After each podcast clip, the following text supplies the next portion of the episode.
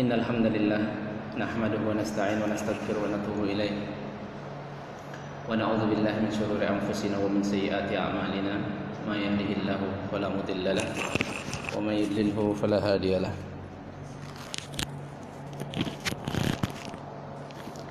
أشهد أن لا إله إلا الله وحده لا شريك له وأشهد أن محمدا عبده ورسوله لا نبي بعده. اللهم فصل وسلم وبارك على محمد وعلى آله وأصحابه ومن سار على نهجه ومن تبعهم بإحسان إلى يوم يبعثون Alhamdulillah segala puji milik Allah Subhanahu wa taala yang sampai saat ini masih memberikan kita nikmat sehat wal afiyah, nikmat iman, nikmat Islam, nikmat bisa hadir di salah satu rumah dari rumah Allah. Mudah-mudahan salat maghrib kita dan ta'lim kita ini tercatat sebagai amal saleh dan kelak bisa memperberat timbangan amal baik kita di sisi Allah Subhanahu wa taala. Salawat salam kita limpah curah kepada Nabi kita Muhammad sallallahu alaihi wasallam. Suri tauladan uswah hasanah kita. Semoga Allah berikan kita keistiqomahan untuk senantiasa dapat mengikuti Nabi kita Muhammad sallallahu alaihi wasallam. Jamaah yang dirahmati oleh Allah, seharusnya pembahasan malam ini hadis arba'in ya. Saya barusan nyampe dari dari puncak, mandi langsung bawa buku. Bukunya buku agenda ke bawah. Jadi saya akan bahas hadis, tetap hadis kita akan kita bahas hadis riwayat Imam Muslim yang berkaitan dengan bulan Muharram. Kita ada di tahun baru Hijriyah 1442. Akan tetapi pertanyaannya apakah kita sudah hijrah? Sudah termasuk orang-orang yang hijrah? Nabi Muhammad SAW mengatakan dari dalam hadis yang diriwayatkan oleh Imam Muslim, al-muslimu man salimal muslimun min lisanihi wa yadihi.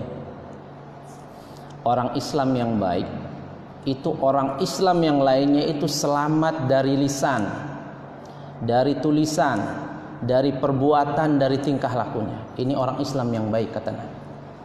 Karena banyak orang-orang, bahkan mungkin tetangga, orang-orang di sekitar, teman-teman di media sosial itu tidak selamat dari lisan dan tulisan kita.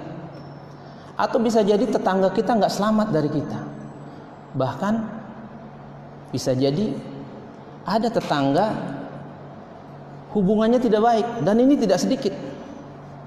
Maka na yu'minu billahi wal yaumil akhir falyukrim jarahu padahal kata Nabi. Ciri-ciri orang yang beriman pada Allah dan hari kiamat menghormati tetangganya. Bahkan ada orang itu tidak bertegur sapa dengan tetangga gara-gara masalah parkir. Ada orang tidak tegur sapa dengan tetangga gara-gara pohon mangga misalnya yang sampahnya berceceran atau mungkin gara-gara suara yang keras yang mengganggu atau yang lain sebagainya. Maka muslim yang baik adalah man salimal muslimun. Orang muslim yang lainnya itu selamat. Min lisanihi dari lisannya dari tulisannya dari statusnya di media sosial wayadihi dan perbuatannya. Kemudian Nabi katakan masih lanjutan hadis yang sama wal muhajir. Kemudian yang dimaksud orang yang hijrah. Siapa mereka? Man hajara manahallahu an. Ini orang yang hijrah kalau kita belum lakukan ini belum hijrah kita yaitu orang yang meninggalkan segala sesuatu. Ma ini adalah kalimat untuk mencakup semua hal. Wal muhajir dan orang-orang yang hijrah adalah man hajara manahallahu an. Orang-orang yang bisa meninggalkan apa pun yang dilarang oleh Allah Subhanahu wa taala ketika kita masih bertransaksi dengan sesuatu yang haram, kita belum hijrah. Ketika masih kita masih melanggar perintah Allah, kita belum hijrah. Maka ini hijrah. Maka ulama-ulama pun membagi hijrah itu menjadi dua. Ada hijrah secara fisik dan ini dibutuhkan. Ada hijrah secara mentalitas dan ini yang lebih dibutuhkan lagi. Hijrah secara fisik contohnya adalah kalau kita baca di tafsir Ibnu Katsir minal makan ilal makan. Kalau kita baca surat tadi pagi saya ngisi kuliah subuh di masjid lupa nama masjidnya di Rawalumbu, Masjid As-Samaniyah.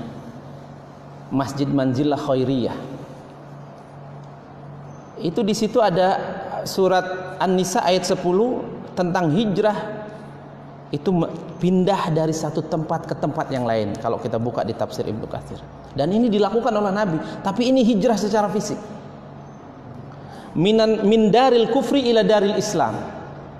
Dari tempat di mana tempat kekafiran, tempat di mana tidak bisa menjalankan syariat dengan baik ke tempat bisa menjalankan syariat baik ke negeri Islam. Contoh dari Mekah ke Madinah. Atau bisa juga hijrah itu min daril kufri ila daril kufri, dari negeri kafir ke negeri kafir juga. Dan ini dilakukan oleh para sahabat. Dari mana? Dari Mekah ke Habasyah. Habasyah negeri kafir. Bahkan anak Nabi salah satunya meninggal di situ. Ruqayyah. Hijrah dari Mekah ke Habasyah. Habasah di situ ada raja walaupun Nasrani dia raja adil dan di akhir hayatnya dia masuk Islam. Maka Nabi satu-satunya pernah sholat goib itu mensolatkan Raja Najasi. Dan kita tahu Raja Najasi masuk Islam karena disolatkan goib oleh Nabi Muhammad.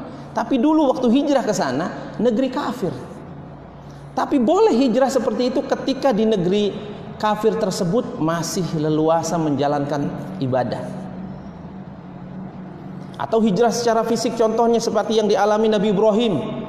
Sampai diabadikan dalam Al-Qur'an ini muhajirun ila rabbi. Hijrah. Ditinggalkan dari negeri yang di mana dia ditindas seperti bagaimana Nabi Musa. Ketika setelah melerai orang Kibti dan orang Nasrani dan salah satu di antara mereka terbunuh hijrah dia. Ditinggalkan negerinya. Pergi ke negeri Madian. Nah hijrah semacam ini boleh dan ini hijrah harus dilakukan. Hijrah secara fisik. Contoh hijrah secara fisik kita sudah lima waktu ke masjid ini sudah hijrah secara fisik. Anak gadis kita, istri kita sudah tutup aurat ini baru hijrah secara fisik. Dan ini baik. Tapi kita harus tingkatkan ke, ke hijrah secara mentalitas ini yang jauh lebih baik. Maka ada dulu sebuah riwayat yang mengatakan la hijrata ba'dal fath. Tidak ada hijrah setelah Fatu Mekah yaitu hijrah secara fisik karena di Mekah sudah setelah Fathu Mekah itu sudah bebas melaksanakan ibadah. Maksudnya nggak ada lagi hijrah dari Mekah. Tapi ada sebuah riwayat mengatakan al hijratu baqiyatun ila qiyamis Hijrah itu selalu ada sampai hari kiamat. Hijrah apa? Hijrah secara mentalitas. Kita sudah datang ke masjid ini baik dan bagus. Tapi ketika kita ingin hijrah secara mentalitas, sudahkah kita faham tentang sholat itu? Bagaimana cara sholat khusyuk? Sudahkah ngerti doa iftitah? Bagaimana bacaan Al-Fatihah yang baik? Sudahkah ngerti kandungannya? Doa ruku, doa sujud, doa itidah? Maka ketika ini kita lakukan, kita sudah hijrah secara mentalitas. Kalau baru sekedar ke masjid aja, baru kulitnya ini, baru fisiknya. Begitu juga anak gadis kita, istri kita. Kadang perempuan kalau hijrah itu pembahasannya masih sekedar hijab dan hijab dan hijab saja. Bagaimana model kerudung, bagaimana kerudungnya lebih panjang, bagaimana cara bercadar dan lain sebagainya. Tapi belum hijrah secara mentalitas. Dan hijrah secara mentalitas ini ini yang kita perlukan. Ada kadang orang bertanya, Pak Ustadz saya sudah datang ke pengajian. Bertanya begini, Alhamdulillah Pak Ustadz saya datang ke pengajian bersama pacar saya. Gimana orang hijrah pacaran? Belum hijrah. Karena hijrah yang hakiki itu manahallahu an meninggalkan segala bentuk larangan Allah. Sudah berani meninggalkan transaksi yang tidak diridhoi oleh Allah ini hijrah. Maka jamaah yang dirahmati oleh Allah Subhanahu wa taala, banyak orang terkadang berhenti di hijrah secara fisik. Merasa sudah sholat lima waktu di masjid, merasa sudah melaksanakan haji dan umroh. Banyak terkadang berhenti di sini. Padahal haji yang dimaksud mabrur, umroh yang dimaksud makbul itu ketika melahirkan amal baik setelah melakukan amal itu. Tidak sedikit kita lihat orang pulang dari haji, maksiat masih dilakukan. Ini belum mabrur, belum melahirkan kebaikan. Belum hijrah dia. Maka banyak orang berhenti kadang di sini. Bahkan tidak sedikit orang yang sudah hijrah itu berani memfonis temannya yang belum hijrah. Dan ini tidak sedikit. Banyak orang menilai orang lain itu dari segi fisiknya. Dilihat, oh fisiknya sudah hijrah, sudah baik. Jenggotnya sudah panjang. Celananya misalnya sudah tinggi. Sudah lima waktu ke masjid. Padahal kalau ditanya, belum paham tentang syariat dengan baik. Tapi sudah berani memfonis si fulan di neraka, si fulan di sini, si fulan di situ. Padahal orang itu dinilai dari akhir hayatnya jamaah. Siapa yang tahu di antara kita? Kita kalau mendengar kisah perang Badar, orang tua dan saudara kandung dari istri gubernur Mekah pada saat itu yang bernama Hindun terbunuh, yang membunuh paman Nabi Hamzah, maka dia dendam. Bahkan setahun dia mempersiapkan diri, bahkan mempersiapkan orang bagaimana ketika perang nanti tahun depannya itu perang Uhud bagaimana Hamzah ini bisa terbunuh. Maka Hindun menyewa seorang budak, seorang sniper yang sangat luar biasa. Namanya Wahsi. Wahsi ini dilatih dengan iming-iming kalau kau bisa membunuh Hamzah kau bebas dan sekian puluh dinar atau sekian sekian banyak harta kau boleh bawa pulang. Budak Pak kalau dibebaskan saja sudah senang apalagi plus dapat harta. Saking dendamnya Wahsi ternyata Allah takdirkan bisa membunuh Hamzah dan Hamzah mati syahid saat perang Uhud. Tapi Hindun tidak percaya. Maka Hindun ingin tahu mana jasadnya tunjukkan sama saya. Ketika ditundukkan jasadnya, kebenciannya memuncak. Adab dalam perang pada masa jahiliyah itu musuh kalau sudah wafat itu nggak boleh dimutilasi. Tapi apa yang dilakukan Hindun? Dibelah dadanya diambil jantungnya, dipotong, dikunyah, dimuntahkan di wajahnya. Telinganya dipotong, dipakai kalung oleh Hindun. Mungkin kalau kita fonis pada saat itu Hindun ini manusia yang luar biasa bejatnya. Tapi tahukah kita Hindun menjadi perawi hadis di akhir hayatnya? Mungkin di antara kita pernah dengar sebuah hadis yang mengatakan, "Ya Rasulullah, inna zauji rajulun syahihun." Ya Rasulullah, suamiku itu Eh, eh, laki-laki yang pelit. Kalau ngasih nafkah kadang nggak cukup buat keluarga. Boleh nggak aku ngambil lebih tanpa sepengetahuan suamiku? Boleh, kata Nabi. Ini dari Hindun, Pak. Hindun masuk Islam. Akhir hayatnya baik. Wahsi pun masuk Islam. Bisa jadi orang yang kita pernah suuzon dengan mereka yang nongkrong-nongkrong pil jalan yang tadinya ahli maksiat bisa jadi lebih dulu masuk surga dari kita, Pak. Bisa jadi dia lebih soleh di mata Allah Subhanahu wa taala. Siapa yang menyangka di antara kita ada orang yang membunuh 100 orang masuk surga? Ini disebutkan dalam tafsir Ibnu Katsir. Nah jamaah yang dirahmati oleh Allah, kadang orang baru hijrah secara fisik ini sudah luar biasa mempunyai orang. Maka Nabi katakan innallah la yanzur ila ajsamik. Allah itu enggak ngelihat bentuk fisik kalian, wala ila suwarikum. Walakin yanzuru ila kulubikum wa a'malikum. Allah itu lihat hati dan amal. Maka di dalam Al-Qur'an dikatakan kan qalatil a'rabu amanna. Surat apa ini? Surat Al-Hujurat kalau nggak salah. Orang-orang Arab Badui dulu juga mengatakan sama Allah, "Amanna, kami beriman ya Allah." Allah bilang sama mereka, "Kullam tu'minu." Kalian belum iman. Mungkin dari segi fisik kalian sudah. Dari segi hijrah secara fisik sudah benar. Tapi Allah bilang belum beriman. Kullam tu'minu walakin qulu aslamna Cukup kalian bilang kalian baru Islam. Walamma yadhulul imanu fi qulubikum. Sebelum iman itu masuk ke lubuk hati kalian. Maka di hadis arba'in juga ada tuh. Ala fa inna likulli jasadil mudghah. Idza saluha saluhal jasadu kullu. Bukankah di setiap jiwa itu ada segumpal daging? Kalau daging itu baik, baik seluruh tubuh tingkah lakunya. Kalau segumpal daging itu buruk-buruk seluruh tubuh. Ala wahyal qalb itu adalah hati. Maka Nabi ketika ditanya at-taqwa hahuna. Takwa di sini kata Nabi. At-taqwa hahuna. Takwa di sini kata Nabi. Takwa di sini nunjuk ke dalam hatinya tiga kali jemaah.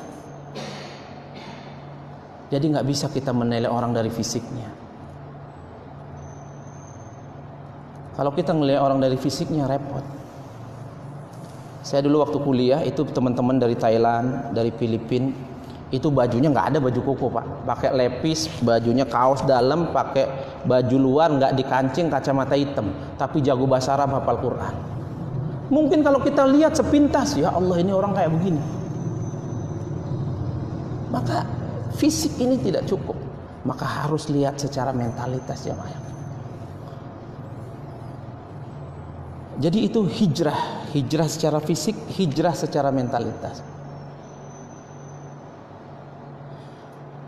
Dalam hadis yang diriwayatkan oleh Imam Baihaqi, Nabi Muhammad juga mengatakan, la yastaqimu imana 'abdin. Iman seseorang tidak akan pernah istiqomah hatta yastaqima qalbu. Sebelum hatinya istiqomah. Jadi intinya semua dalam hati. Man taraka syai'an lillah siapa yang tinggalkan? Di hadis yang lain. Karena hijrah artinya Ibnu Hajar mengatakan arti al hijrah at-tarku awil bu'du. Meninggalkan dan menjauhi ini arti hijrah. Maka Nabi katakan man taraka lillah. Barang siapa yang hijrah meninggalkan sesuatu karena Allah awadallahu syai'an khairan minhu. Ini Nabi jamin, Pak. Nanti jaminan Allah juga akan saya sebutkan ayatnya. Nabi jamin siapa yang berani tinggalkan sesuatu karena Allah, aku akan ganti kata Allah. Lewat lisan Rasulullah dengan sesuatu yang jauh lebih baik dari yang dia tinggalkan. Kita berani meninggalkan transaksi haram, Allah gantikan dengan transaksi halal. Kita berani tinggalkan makanan haram, Allah ganti dengan yang halal. Kita berani tinggalkan teman yang baik, Allah akan ganti dengan teman yang baik. Dan teman ini pengaruhnya luar biasa. Almar'u ala dini khalilihi falyanzur man yukhallilu Orang itu tergantung kawannya. Maka perhatikan dengan siapa kau berteman dan berkawan. Dengan penjual minyak wangi akan mencium aromanya akan mendapatkan semerbak harumnya bahkan tidak sedikit dikasih colekan minyak wanginya. Kata Nabi berteman dengan pandai besi cium bau gosongnya. Tidak sedikit baju kita bolong-bolong kecipratan apinya. Anta kata Nabi engkau akan dibangkitkan nanti di akhirat ma'aman ahbab bersama teman karibmu di dunia ketika teman karib kita orang soleh orang yang rajin ke masjid demi Allah dia akan mencari kita nanti Pak kalau nggak ada di surga. Dia akan lihat kanan kiri. Ya Allah mana teman saya yang di sop pertama kemarin? Mana teman saya yang kumpul di Masjid Al Ittihad waktu taklim kok nggak ada ya? Kalau nggak ada Pak pasti di neraka Pak. Maka teman kita ini bisa memberikan syafaat buat kita. Dia akan minta sama Allah ya Allah dari dia dulu saya kenal agama. Dia yang sering ingetin saya ke masjid. Dia sering kirim SMS ceramah-ceramah pendek. Ya ya Allah tolong jadikan syafaat saya untuknya. Allah akan kasih syafaat ketika dosanya tidak ada dosa syirik. Karena Allah akan memberikan syafaat bagi orang-orang yang wafat tidak ada kemusyrikan dalam hatinya. Kemudian jaminan dari Allah Subhanahu wa taala di surat An-Nisa. Wa may yuhajir siapa yang hijrah siapa yang berani tinggalkan siapa yang berani menjauhi sesuatu karena Allah fisabilillah apa kata Allah surat An-Nisa ayat 100? Yajid fil ardi muragaman katsiran wasa'ah. Dia akan dapati di muka bumi ini muragaman katsiran. Banyak peluang. Banyak solusi. Banyak jalan-jalan kemudahan. Wasa'ah, kasir. Katsiran banyak peluang-peluangnya. Bukan satu dua. Wasa'ah dan keluasan-keluasan Wa man kharaja min baitihi, lanjutan ayatnya, siapa yang keluar dari rumahnya muhajiran ilallah, dia hijrah niatnya untuk Allah. Summa yudrikhul maut, belum sempurna hijrahnya, eh maut keburu menjemput. faqad waqa ajruhu ilallah sungguh dia sudah dapat pahala dari Allah. Ibnu Kasir dalam tafsir Ibnu Kasir menceritakan hadis ini dia mengutip hadis yang saya sebutkan tadi. Ada laki-laki kata Ibnu Kasir menceritakan hadis Nabi. Ahli maksiat. Sudah bunuh 99 orang datang ke rahib. Rahib ini ahli ibadah pak. Tapi ilmunya nggak ada. Rajin ibadah. Ini rahib namanya datang. Orang ahli ibadah tapi tanpa punya ilmu kalau ditanya fatwanya pakai hawa nafsu? Bukan pakai ilmu. Rahib ini tanya ya rahib saya mau tobat apa dosamu? Kotal tu sitan wasitina rojulan aku sudah bunuh berapa banyak? 99 orang. Udah kayak asmaul husna yang dibunuh. Rahib langsung mikir membunuh satu di dalam Al-Quran disebutkan apa? Faka'annama qatalan nasa jami'a. Sama dosanya dengan membunuh seluruh manusia. 99. Enggak diampuni sama Allah. Kesel. Tusuk lagi rahib Pak. Tapi siapa pun kita.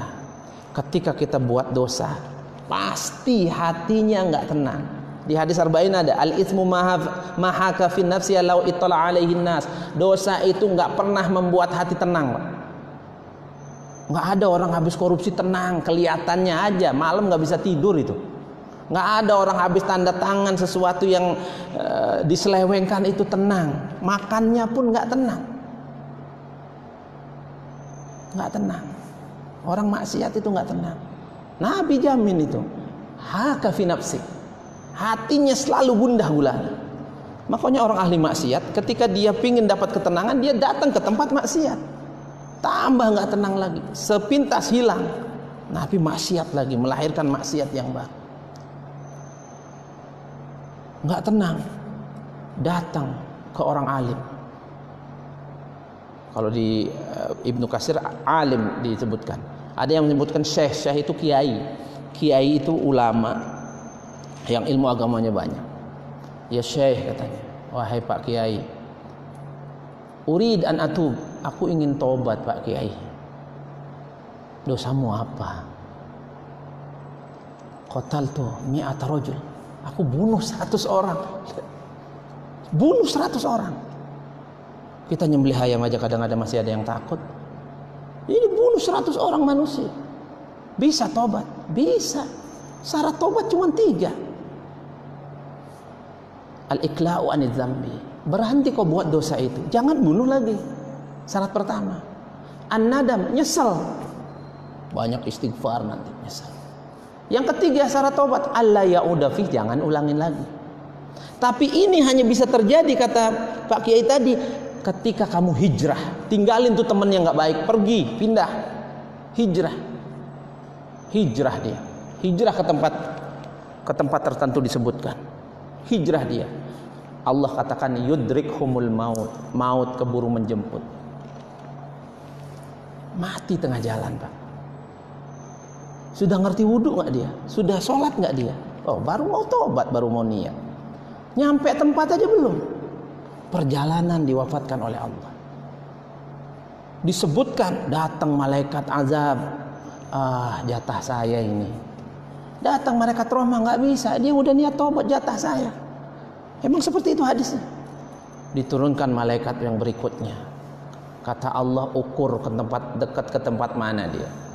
Dari akhir membunuh sama ke tempat dia akan taubat dekat mana? Dekat ke tempat taubat sejengkal doang pak. Dengan rahman dan rahimnya Allah diampuni orang ini. Mudah-mudahan kita semua masuk surga Pak. Nanti tanya, kita cek orang ini ada di surga Pak. Ada di surga, ya Allah. Artinya apa? Di dalam hadis kunci dikatakan ya ibadi lau dzunubuka. Wahai hambaku kata Allah hadis kunci. Seandainya dosamu memenuhi langit dan bumi ini. Kau datang kepadaku. Aku datang kepadamu dengan sepuluh ampunanku sepenuh langit dan bumi. Allah kasih sepuluh ampunan. Maka Allah itu paling senang dengar kita istighfar. Pak. Allah senang dengar hambanya taubat. Kalau salah lagi, ya taubat lagi. Salah lagi tobat lagi, Pak. Sampai kapan? Sampai mati. Innallah yakbalu taubat 'abdihi malam yughargir. Allah masih akan menerima taubat hambanya sampai napas sampai tenggorokan sini. Maka Fir'aun itu kan sudah kelelep baru tobat masalahnya. Sudah belebak belebak belebak belebak kan tobat ya. Aku beriman dengan uh, birobbi Musa wa Harun dengan Tuhannya Musa dan Harun nggak bisa udah. Atau matahari terbit dari barat. Nah jamaah yang dirahmati oleh Allah Subhanahu Wa Taala, bagaimana agar hijrah ini bisa istiqomah? Kadang kita kalau lagi habis taklim begini semangat pak, semangat. Habis dengar kajian semangat. Tapi kadang nanti ngedrop lagi. Ini memang begitu iman. Al imanu yazidu yang kus. Tapi jangan biarkan dia berkurang sampai batas yang danger. Jangan sampai di bawah itu bisa parah. Turun dikit naikin lagi. Yang pertama agar hijrah istiqomah ini luruskan niat karena Allah Subhanahu wa taala. Apa pun yang kita lakukan ikhlaskan karena Allah. Saya pernah sampaikan di sini doa Umar setiap melakukan amal soleh. Apa doanya indah sekali. Allahumma ja'al kulla amali soleh. Ya Allah jadikan amal saya apa pun itu seluruh amal saya soleh. Wali wajhika khalis. Ikhlas karena engkau doang ya Allah. Hanya karena engkau ya Allah. Wala taj'al fihi syai'an. Jangan biarkan di rongga hatiku ada niat untuk manusia. Untuk dunia untuk sanjungan, untuk pujian, untuk kedudukan. Jangan biarkan rongga di situ. Indah doa ini, Pak.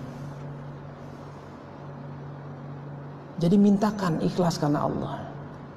Karena segala sesuatu tergantung niat. Maka hadis hadis tentang di hadis arba'in dulu kita bahas tuh yang awal. Hadis tentang niat itu kan ikhlasun niat itu julukannya hadis Ummu Qais. Dulu ada perempuan zaman Nabi hijrah Laki-laki yang naksir sama dia, dia bilang apa? Kalau saya nggak hijrah, hilang ini diambil orang Madinah, maka saya harus hijrah. Jadi hijrahnya untuk perempuan. Famangkana hijratuhu li dunia. Maka Nabi bilang di situ, siapa yang hijrahnya untuk dapat dunia. Ada orang melakukan ibadah tapi untuk dapat dunia. Awim ro'ah atau dia mau dapat perempuan seperti yang hijrah tadi. Yang kiwa yang ingin dia nikahi fahijratu ila man hajar. Cukup sampai di situ aja hijrahnya. Dapat dunianya dapat, perempuan dapat, pahala dari Allah nggak dapat. Maka ketika ada perasaan-perasaan mengejar dunia terlalu berlebihan setelah melakukan amal soleh, maka ketika kita membahas tentang materi syirik, ini syirik itu modelnya banyak pak. Kadang kita yang kita pahami itu syirik itu hanya menyembah patung saja menyembah patung, menyembah pohon, datang ke dukun. Bisa jadi ibadah seseorang itu ada kesyirikan di dalamnya ketika diniatkan untuk selain Allah. Kenapa sholat duha? Biar saya rezekinya berlimpah. Berarti sholat duhanya bukan karena Allah. Kenapa serajin sedekah? Biar dili, biar saya jadi orang kaya. Ini banyak orang rusak niatnya. Niatkan semua karena Allah, maka dunia akan ngikutin. Pernah saya sampaikan perkataan Imam Al-Ghazali, barang siapa yang tanam rumput tidak akan pernah tumbuh padi di dalam. Tapi siapa yang tanam padi akan ada rumput, bahkan kadang rumputnya bisa lebih banyak. Artinya apa? Siapa yang cari dunia, dunia akan dapat. Nggak ada akhiratnya. Tapi siapa cari akhirat, dunia akan ngikutin. Kadang banyak juga dunianya yang dia dapatkan.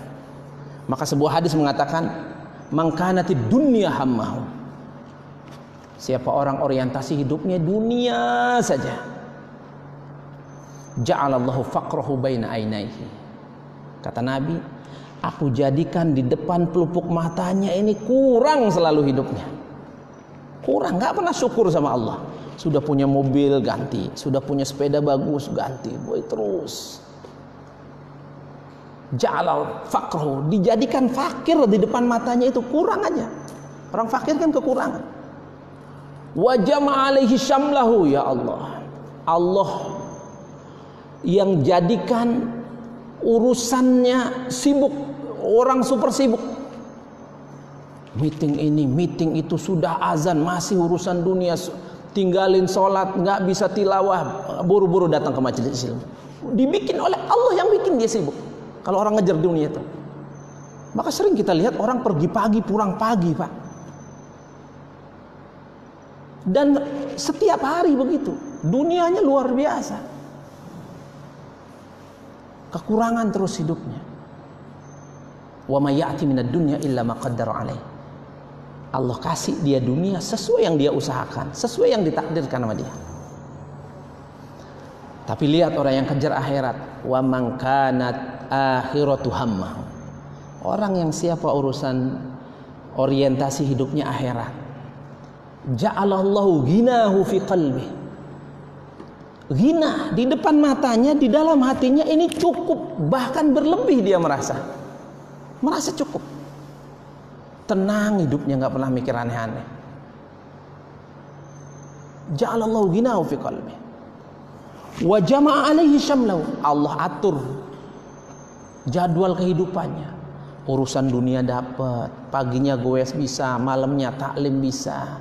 Sempat ngantar istrinya ke pasar sempat ngajak anaknya main layangan juga bisa. Allah yang atur itu. Datang ke taklim bisa. Bahkan sepekan bukan sekali dua kali luar biasa.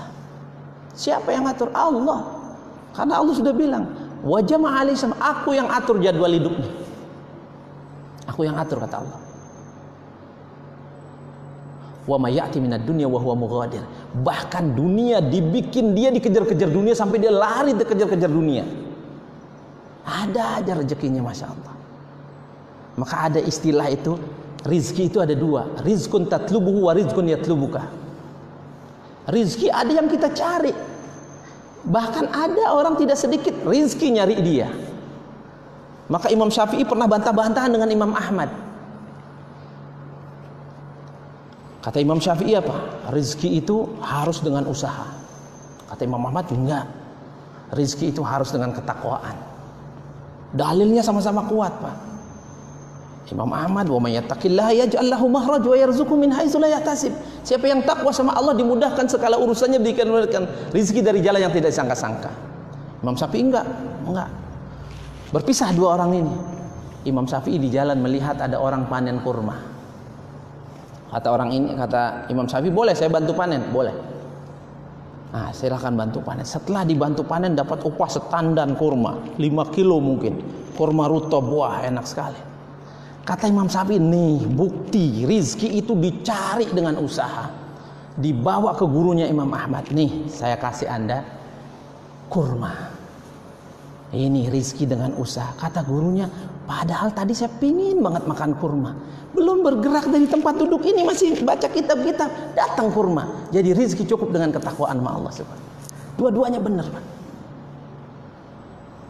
Maka jamaah yang dirahmati oleh Allah Subhanahu wa taala, jadi ikhlaskan niat karena Allah. Banyakin doa Allahumma inna na'udzubika min an nusyrika bika syai'an na'lam wa nastaghfiruka liman Ada di hati rasa ya Allah kurang ikhlas. Ya Allah, doa ini. Ini Nabi yang ajarkan doa ini. Ya Allah, aku berlindung kepadamu dari syirik besar dan syirik kecil yang aku sadari dan yang gak aku sadari. Karena kita kadang Pak, kadang ketika waktu infak, waktu sedekah itu ikhlas, tapi besoknya muncul tidak ikhlasnya muncul tidak ikhlasnya. Muncul rasa rasa-rasa sesuatu lah. Kemudian tadi sudah kita singgung agar istiqomah dakwah ini bikin komunitas jemaah. Bikin teman-teman yang baik cari teman-teman yang baik.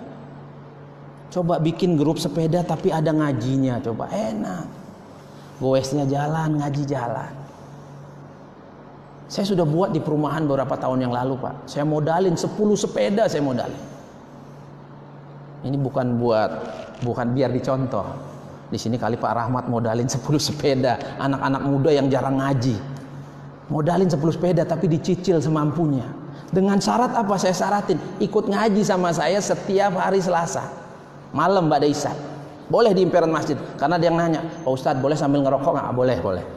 Yang penting ngaji dulu dah. Orang belum bisa baca Al-Fatihah. Saya ajak tuh Pak. Setelah selunas sepeda ada yang RT-nya malah saya ajak dua orang. Pak Ustadz boleh nggak sekarang kulkas katanya? Ah boleh aja nggak apa-apa. Yang penting ngaji. Cuman ada yang sepeda lunas, kulkas lunas nggak ngaji-ngaji lagi ada. Sampai saya bikinin sepatu, baju, gosar. Saya kasih nama toko saya Farwa Agensi. Sekalian iklan. Saya bilang, kayak bikinin baju goes ke mana-mana, curug cigentis, ke bondol ke mana-mana. Masa. Tapi ngaji, sehat ngaji. Cari jamaah Al-bahsu anil ardil jadid karena bagian dari hijrah pesan dokter almarhum Ustadz Ahzami Sami'un Jazuli ketika saya dengar pengajiannya di salah satu majlis membahas tentang hijrah apa kata beliau Al-bahsu anil ardil jadid li gharsi syajarat dakwah kalian itu umurnya pendek. Umur umat Nabi Muhammad baina sittin wa sab'in wa qalilun ma yazidu zalik. 60 mentok 70 umur-umur ini banyak yang meninggal. Dan sangat sedikit jumlahnya yang lebih dari 70 coba dihitung di perumahan yang lebih dari 70 Pak. Bisa dihitung jari. Nabi bilang begitu. Nah dengan umur yang pendek ini bagaimana cara amal bisa terus ngalir? Amal bisa banyak bahsu anil ardil jadi cari ladang di mana kita tanam pohon dakwah di situ kita mati kita panen terus buahnya. Bangun masjid biayain anak yatim. Anak-anak yang hafal Qurannya bagus sekolahin ke rumah ta'fid dia hafal Quran kita mati aja udah pak. Dia punya santri punya murid masya Allah. Bahkan saya sekarang lagi uh, yayasan saya sekarang lagi mencari lagi mengumpulkan Quran pak saya kemarin waktu camping di Sukabumi saya sempat bikin video iseng-iseng mau saya sebar ke seluruh jamaah jadi yang mau nyumbang Quran Nanti Quran ini akan kita sebar. Mungkin kalau di Bekasi Quran kita masih baru-baru pak. Mukena juga kadang masih ada plastiknya belum dipakai. Nggak dibaca. Di daerah pak nggak punya Quran. Beberapa tahun yang lalu saya dakwah ke Tengger Bromo. Di Tengger Bromo itu saya hampir tiap tahun kurban sekitar kurang lebih di Jawa Timur itu 100 ekor domba dari yayasan bukan dari saya pribadi dari yayasan hanya tahun ini merosot jadi 93 ekor. Tahun sebelumnya malah 134. Saya ke lokasi langsung. Saya ajak ustadznya yang kita taruh di situ kita biayain dia uh, warung. Pak Ustadz, karena jarak pasar dari tempat kita dakwah itu satu jam setengah ke atas. Baik, sekarang kita mumpung di pasar, kita beli sembako, kita beli macam-macam. Masya Allah Pak, apa kata Ustadz itu? Pak Ustadz, boleh nggak sekarang jangan sembako? Wah, saya udah agak-agak nggak enak nih. Kenapa ya nggak mau nerima? Saya pinginnya mau kena Pak Ustaz. Di rumah Bapak bisa 3 4 mau kena. Saya pengen mau kena. Kenapa Pak pengen mau kena? Di Tengger Pak, di masjid mau kena cuma satu. Tadi malam yang masuk Islam tiga. Jadi yang satu sholat, yang satu nungguin selesai sholat. Yang satu pindah, jadi nggak bisa jamaah Pak, nggak punya mukena Pak. Miris kita dengarnya. Di sini kita istri kita mau kenanya masih bagus sudah ganti yang baru. Tiap Ramadan ganti dua. Di daerah nggak Quran Pak gantian ikro itu sampai bulu kulitnya nggak ada, halaman sudah sebagian hilang, masih dipakai Pak. Bayangin kalau kita nyumbang Qurannya, kita nyumbang ikronya, dia bisa baca Quran dari Quran kita Pak. Dia jadi hafiz Quran. Nggak usah hafiz, dia hafal Al-Fatihah dari Quran kita. Sehari 17 kali minimal dibaca. Baca bismillahnya saja kita sudah ditransfer pahala 190. Bagaimana kalau baca Al-Fatihah? Bagaimana Al-Baqarah dia hafal dari Quran kita? Allahu Akbar.